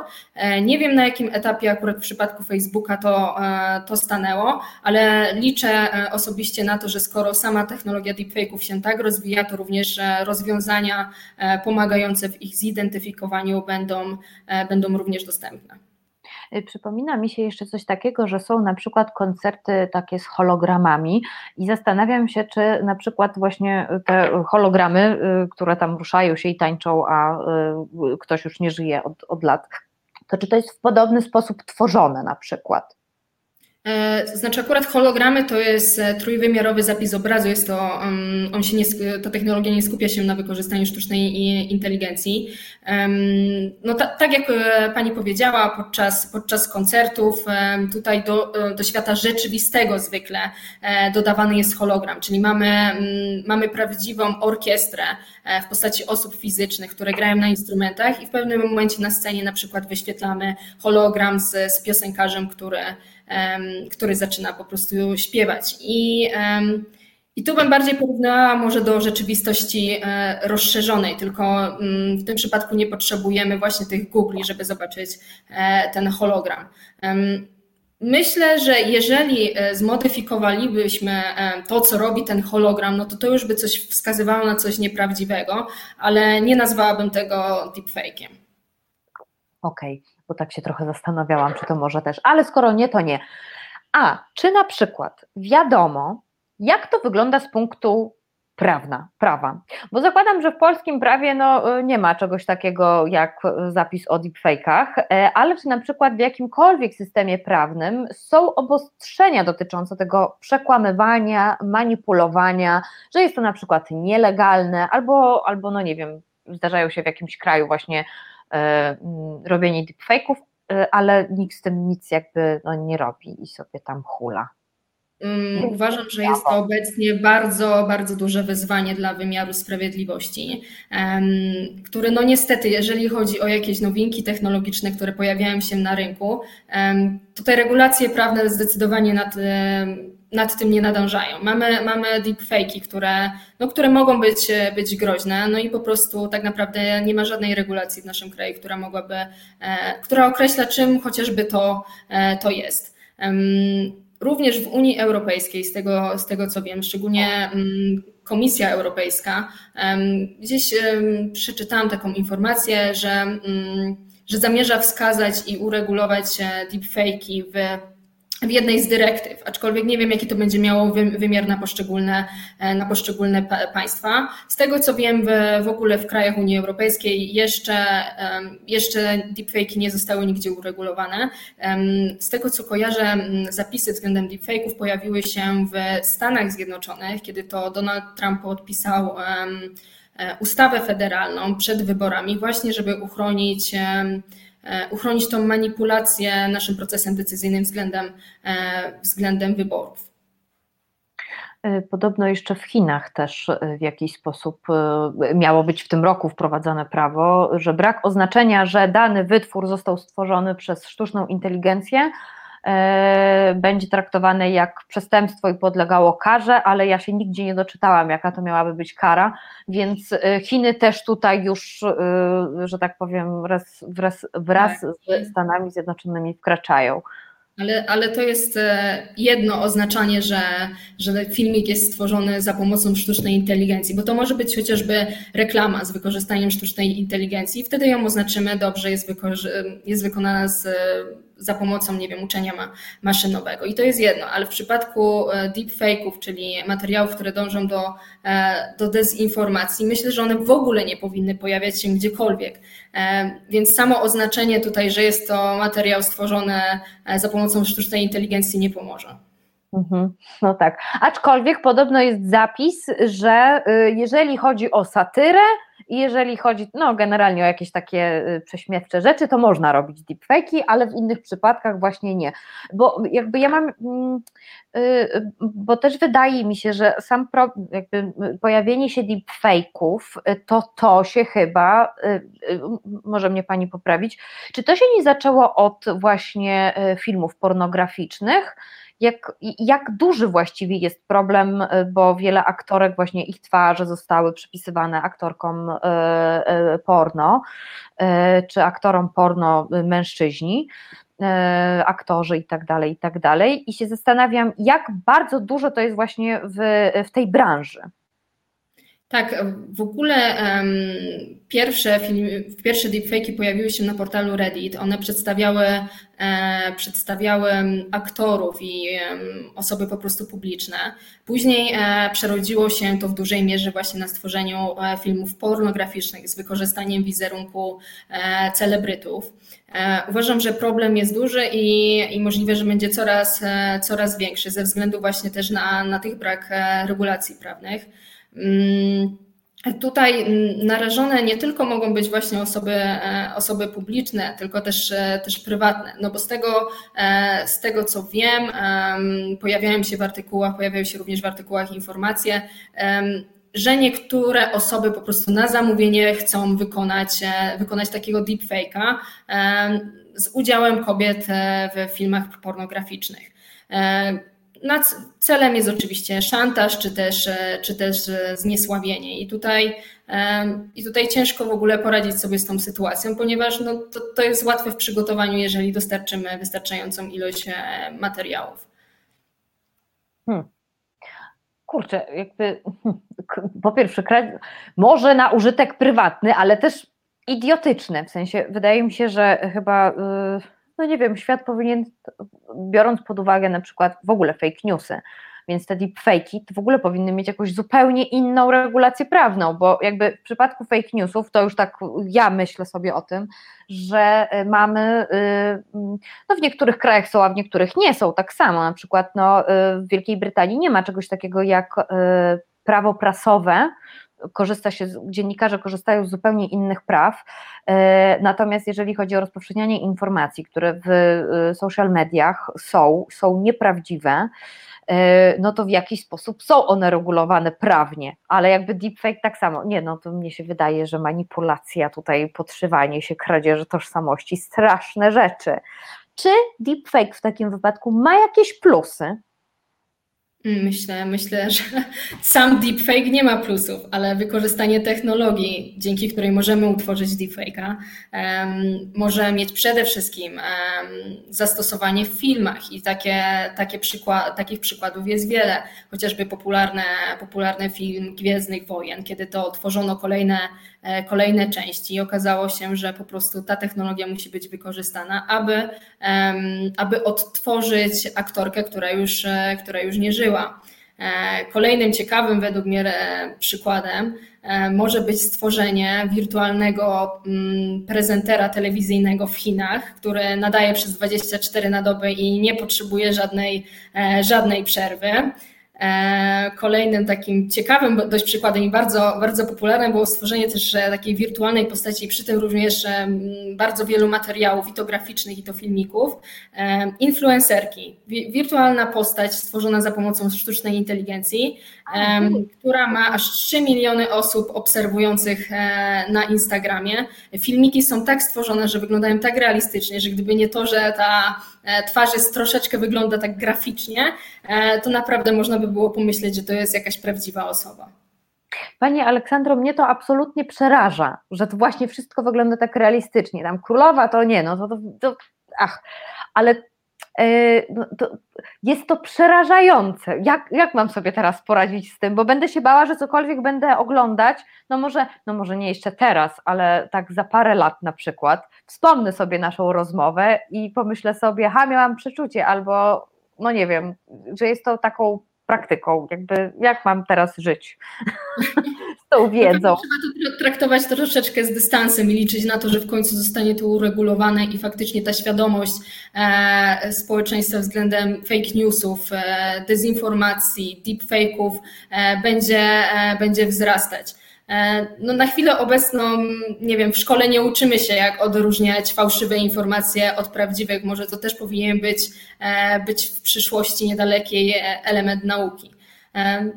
Sama nie wiem, jak sobie z tym radzić.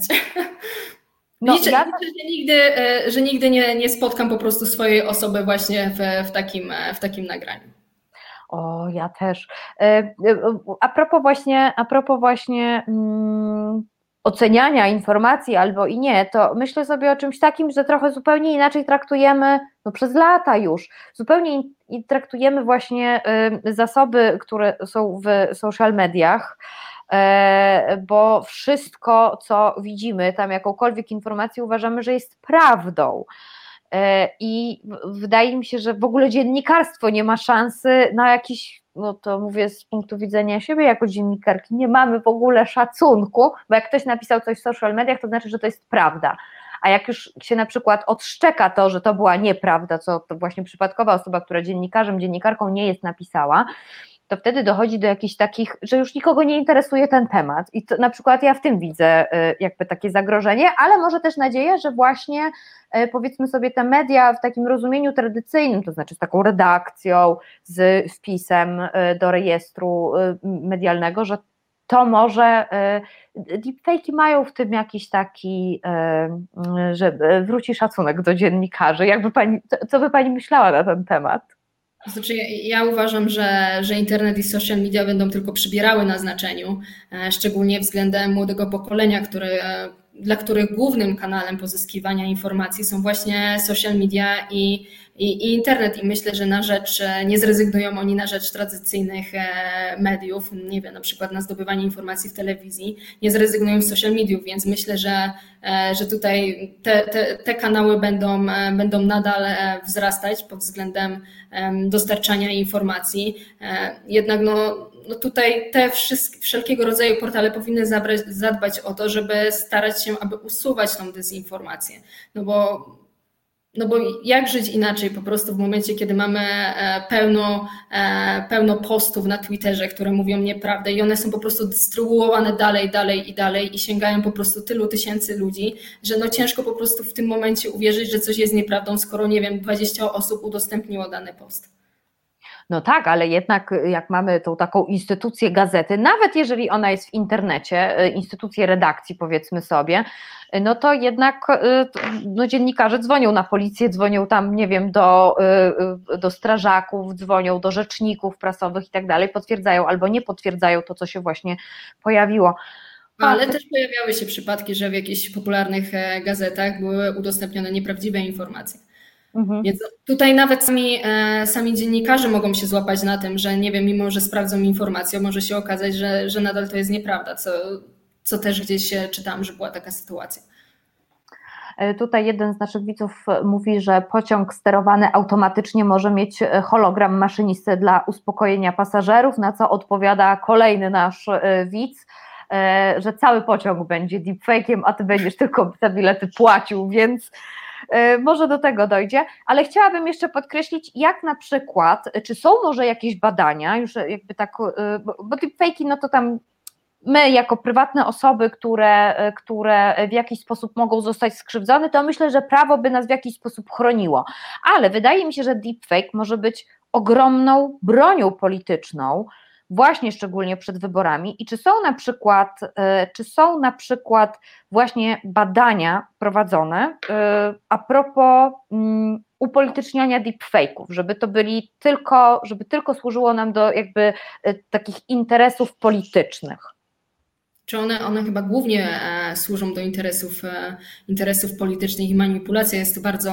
e, silna broń, no bo przecież, tak jak już wspomniałyśmy, to co widzimy musi być prawdziwe, a widząc polityka, który wypowiada się w bardzo realistyczny sposób, myślimy ok, czyli po prostu zmienił swoje podejście, muszę teraz zagłosować na, na przeciwnika. Zresztą sytuacja z 2016 roku podczas wyborów prezydenckich w Stanach Zjednoczonych, po prostu tworzenie profili psychologicznych i dopasowywanie treści e, pod dane grupy odbiorców sprawiła, że po prostu wybor, na wybory miała duży wpływ e, dezinformacja.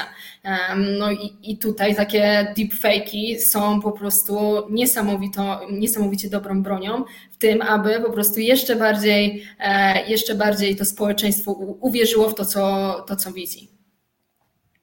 Bardzo, bardzo mnie smuci ta nasza rozmowa. E, i mam nadzieję, że 2021 rok nie będzie e, rokiem deepfake'ów.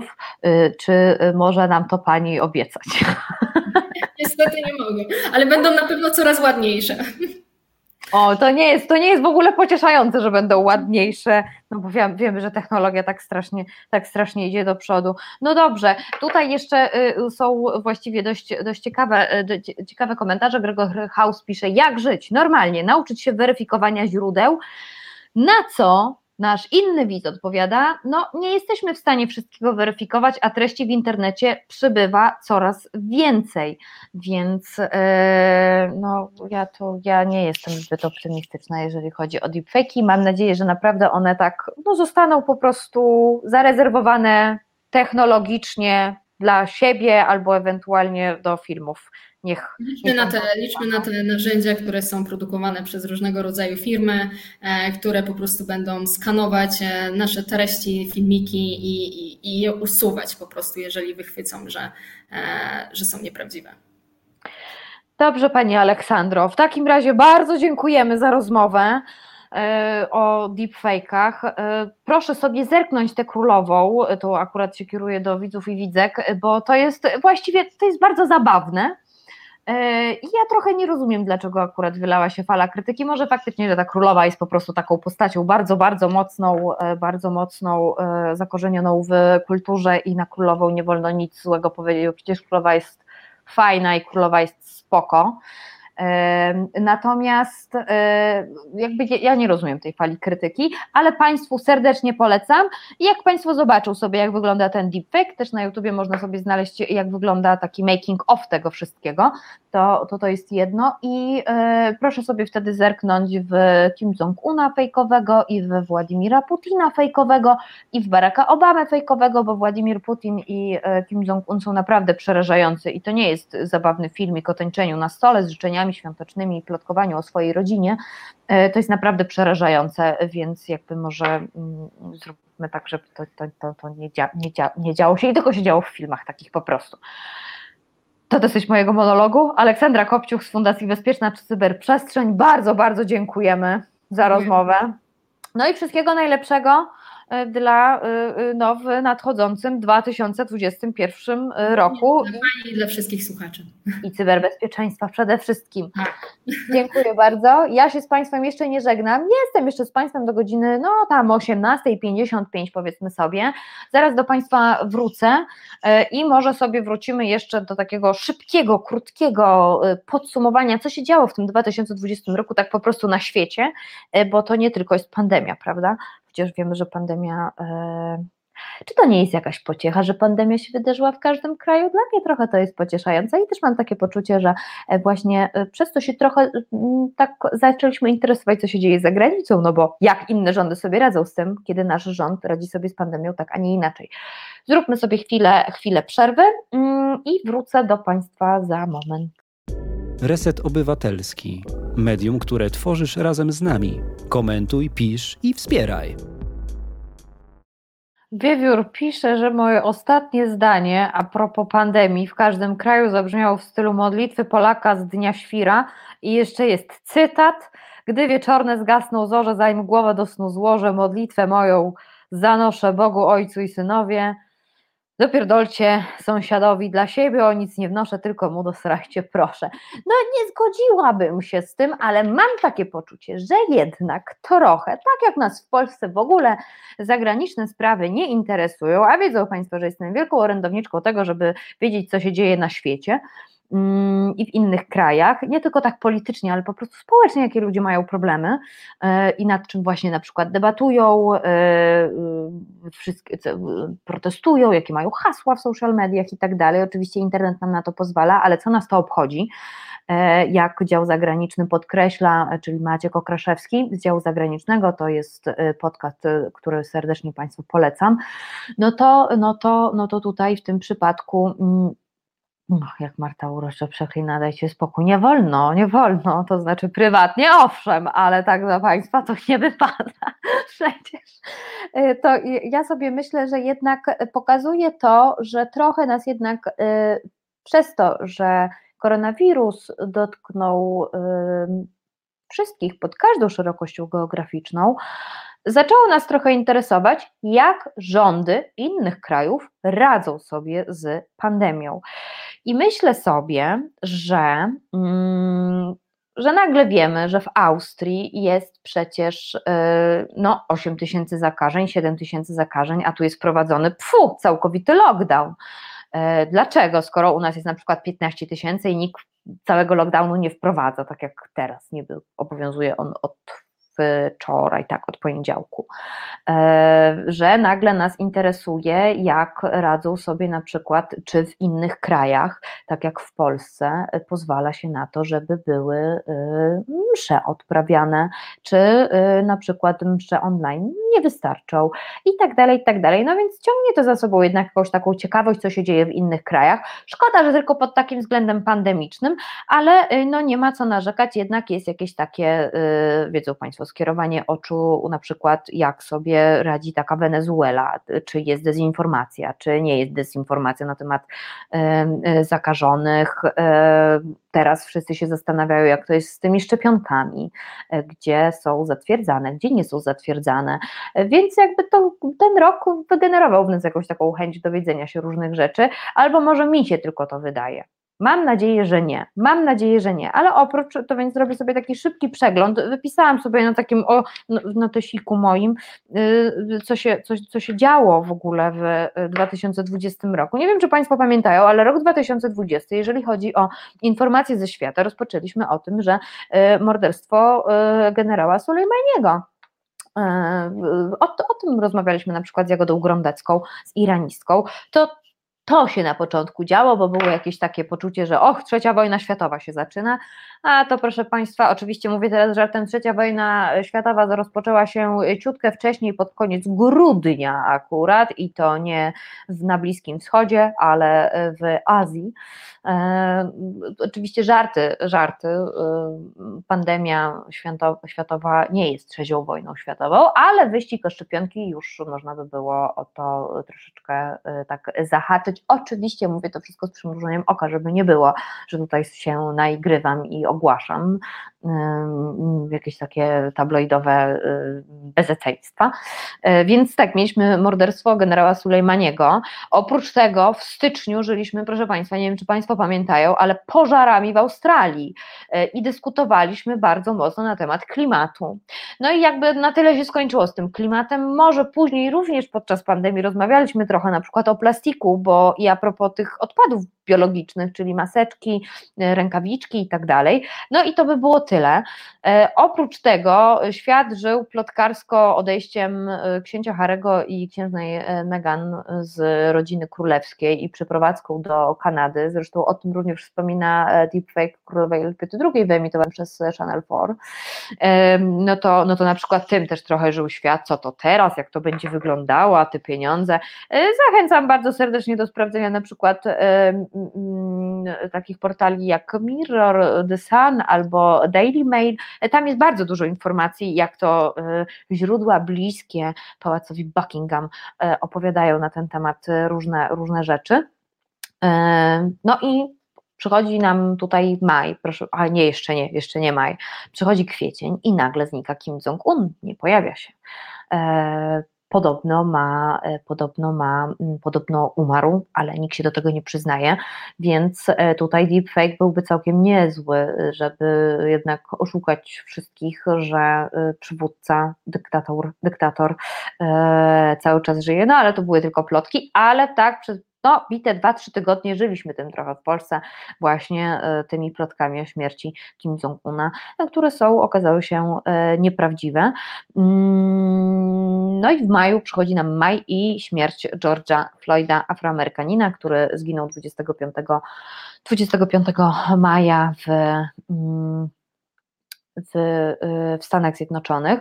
No i przez to y, przetoczyła się przez świat, dokładnie przez świat, y, wielka dyskusja na temat pod hasłem Black Lives Matter.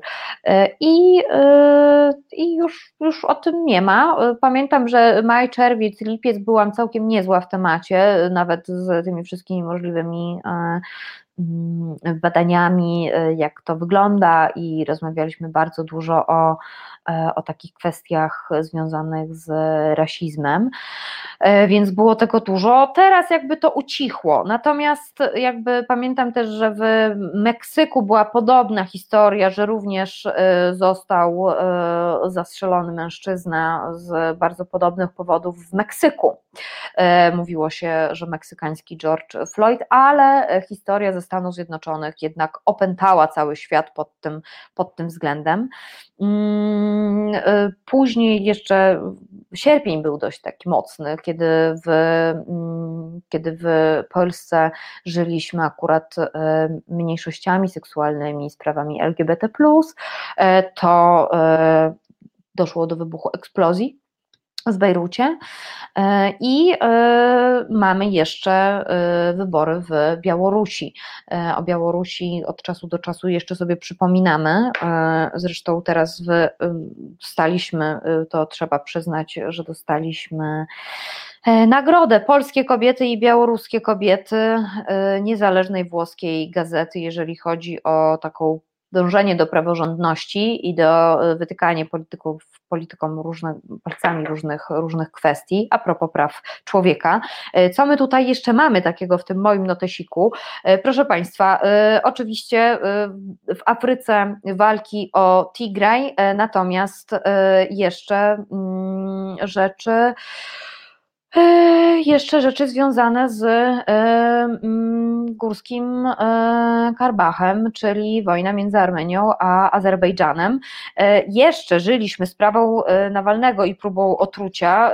Całkiem niedawno Nawalny opublikował taki film związany z, związany z tym, jak oszukał agenta Służby Bezpieczeństwa, Federalnej Służby Bezpieczeństwa, więc to tak akurat e, wygląda. W Rosji było na przykład też referendum konstytucyjne, które, proszę Państwa, zostało podpisane przez Władimira Putina właśnie na dniach i które pozwala Władimirowi Putinowi rządzić do 2036 roku, ale również pozwala na to, na bezkarność e, prezydentów i byłych prezydentów e, Republiki Federacji Rosyjskiej. Więc tak o. No i jeszcze w Grecji była sprawa, precedensowa sprawa Złotego Świtu. No i jeszcze, no, no i bardzo dużo rzeczy się działo. Bardzo dużo, dużo się, działo, się działo. Pan Ryszard się wita z, witam w odchodzącym starym roku. Tak, to nasz ostatni już maszkatnik i ostatnie minuty ze mną w maszketniku, bo y, ostatnie minuty ze mną y, i to nie jest tak, że sobie tutaj Państwo dowcipkują, że to Wojtek Krzyżaniak się we mnie wciela, jestem deepfake'iem, cały czas protestuję i cały czas mówię, że nie. A mówiąc o Wojtku Krzyżaniaku, ja mu powiem, y, ja może, możemy jutro z Wojtkiem Krzyżaniakiem zrobimy od, od godziny 10 deepfake'a i w głosie szczerej słowiańskiej 4 na kanale YouTube'owym Wizja Tele, to proszę podpytać, zadać mu pytania, czy to na pewno on on. Więc e, o, pan Mateusz Noga jeszcze dopowiada mm, i problem uchodźców wciąż gdzieś w tle jest. Tak, problem uchodźców, problem e, problem, e, jaki jeszcze problem? No, katastrofy klimatycznej. To w ogóle spada na jakiś dalszy plan, tak? Niby się mówi, mówi, mówi, ale wcale, mm, wiedzą Państwo, te decyzje polityczne są dość ciężkie do wprowadzenia. I życzę Państwu, żeby w przyszłym roku, ten 2021 rok, yy, pozwolił nam się trochę otworzyć na innych poza granice Polski, żebyśmy nie byli takim pępkiem świata i żeby może jakieś takie żarciki były, no nie wiem, francuskie, albo hiszpańskie, albo włoskie, albo na przykład, no nie wiem, egipskie, argentyńskie, amerykańskie, a nie, że tylko tam Sasin i Sasin, no e, i, i Julki, co jest w ogóle jakąś straszną rzeczą, ale cóż, E, zostawmy to. E, więc życzę Państwu wszystkiego dobrego, mm, ale życzenia pewnie złożę e, większe i mocniejsze w czwartek między godziną 19 a 21 w programie To jest wojna, który również mogą Państwo oglądać na kanale Resetu Obywatelskiego. Za, każde, za każdą złotówkę, za każdy datek, za każde wsparcie serdecznie Państwu dziękuję i odsyłam tych, którzy jeszcze tego nie wiedzą, na stronę zrzutka.pl ukośnik z ukośnik reset obywatelski i jeszcze y, y, chciałam Państwa zaprosić na program Konrada Szołajskiego i muszę się już z Państwem żegnać. Wszystkiego dobrego, ściskam Państwa mocno, pamiętajcie o zielonych serduszkach jak Pan Marek Jurkiewicz, a propos aborto legal w Argentynie e, i trzymamy kciuki za nasze siostry w e, Argentynie. Dziękuję Państwu za dziś, wszystkiego dobrego i do zobaczenia w czwartek.